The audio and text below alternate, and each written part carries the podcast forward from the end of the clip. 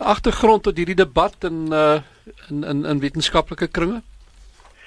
Ja, dit kom eintlik al sedert 1993 toe Dean Hammer, hy's 'n molekulêre bioloog wat destyds by die uh, Nasionale Instituut vir uh, Gesondheid in Amerika gewerk het in New York. Uh 'n sogenaamde gay geen op die X-kromosoom gevind het.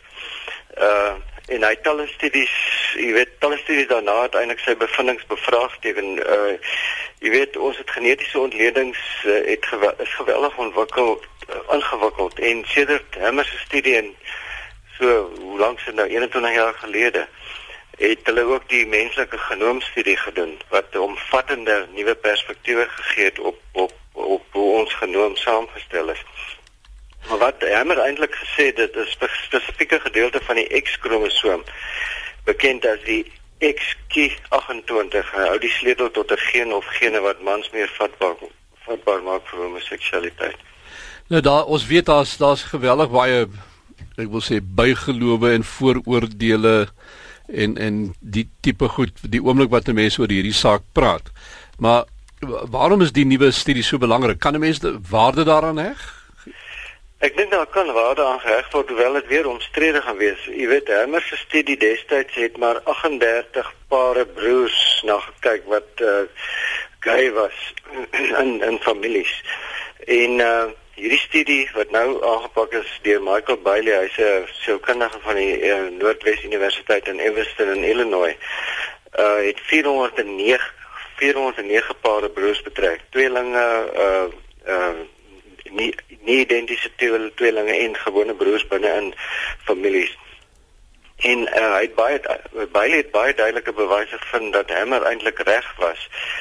Uh jy weet nou omdat die studie soveel groter is, kan daar meer waarde geword, maar onmiddellik die omstredenheid daaroor is is dat uh, uh baie die ou tegniek nog gebruik wat voor wat Hammer destyds gebruik is en nie die nuwe genoem baie tegnieke hmm. wat deesdae gebruik word nie assosiasiestudies soos hulle dit noem nie. Gaan interessant wees. Ek kan glo daar gaan nog baie gedebatteer word hieroor. Ehm um, ek moet sê ek ken self 'n uh, identiese tweeling waarvan die een broer gay is en die ander nie.